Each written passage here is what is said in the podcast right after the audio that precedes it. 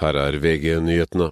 To personer er sendt til sykehus etter en alvorlig voldshendelse på en privat adresse i Asker. Skadeomfanget er ikke kjent. Politiet opplyser at de har kontroll på situasjonen.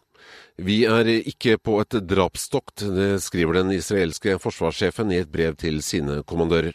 Brevet er ifølge Institute for the Study of War ment for soldater i Gaza og legger vekt på at det ikke dreier seg om hevn eller folkemord. Forsvarssjefen ber soldatene om å ikke ta suvenirer eller lage hevnvideoer, ikke bruke unødvendig makt og skille mellom terrorister og de som ikke er det.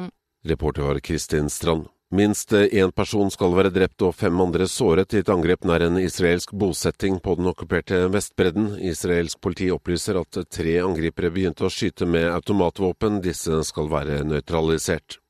Spesialenheten er varslet etter at politiet kolliderte med en personbil under utrykning i Alta i dag. Tre personer var involvert i ulykken. En av dem har meldt om smerter og er ivaretatt av helse. I studio Frode Sti, nyhetene får du alltid på VG.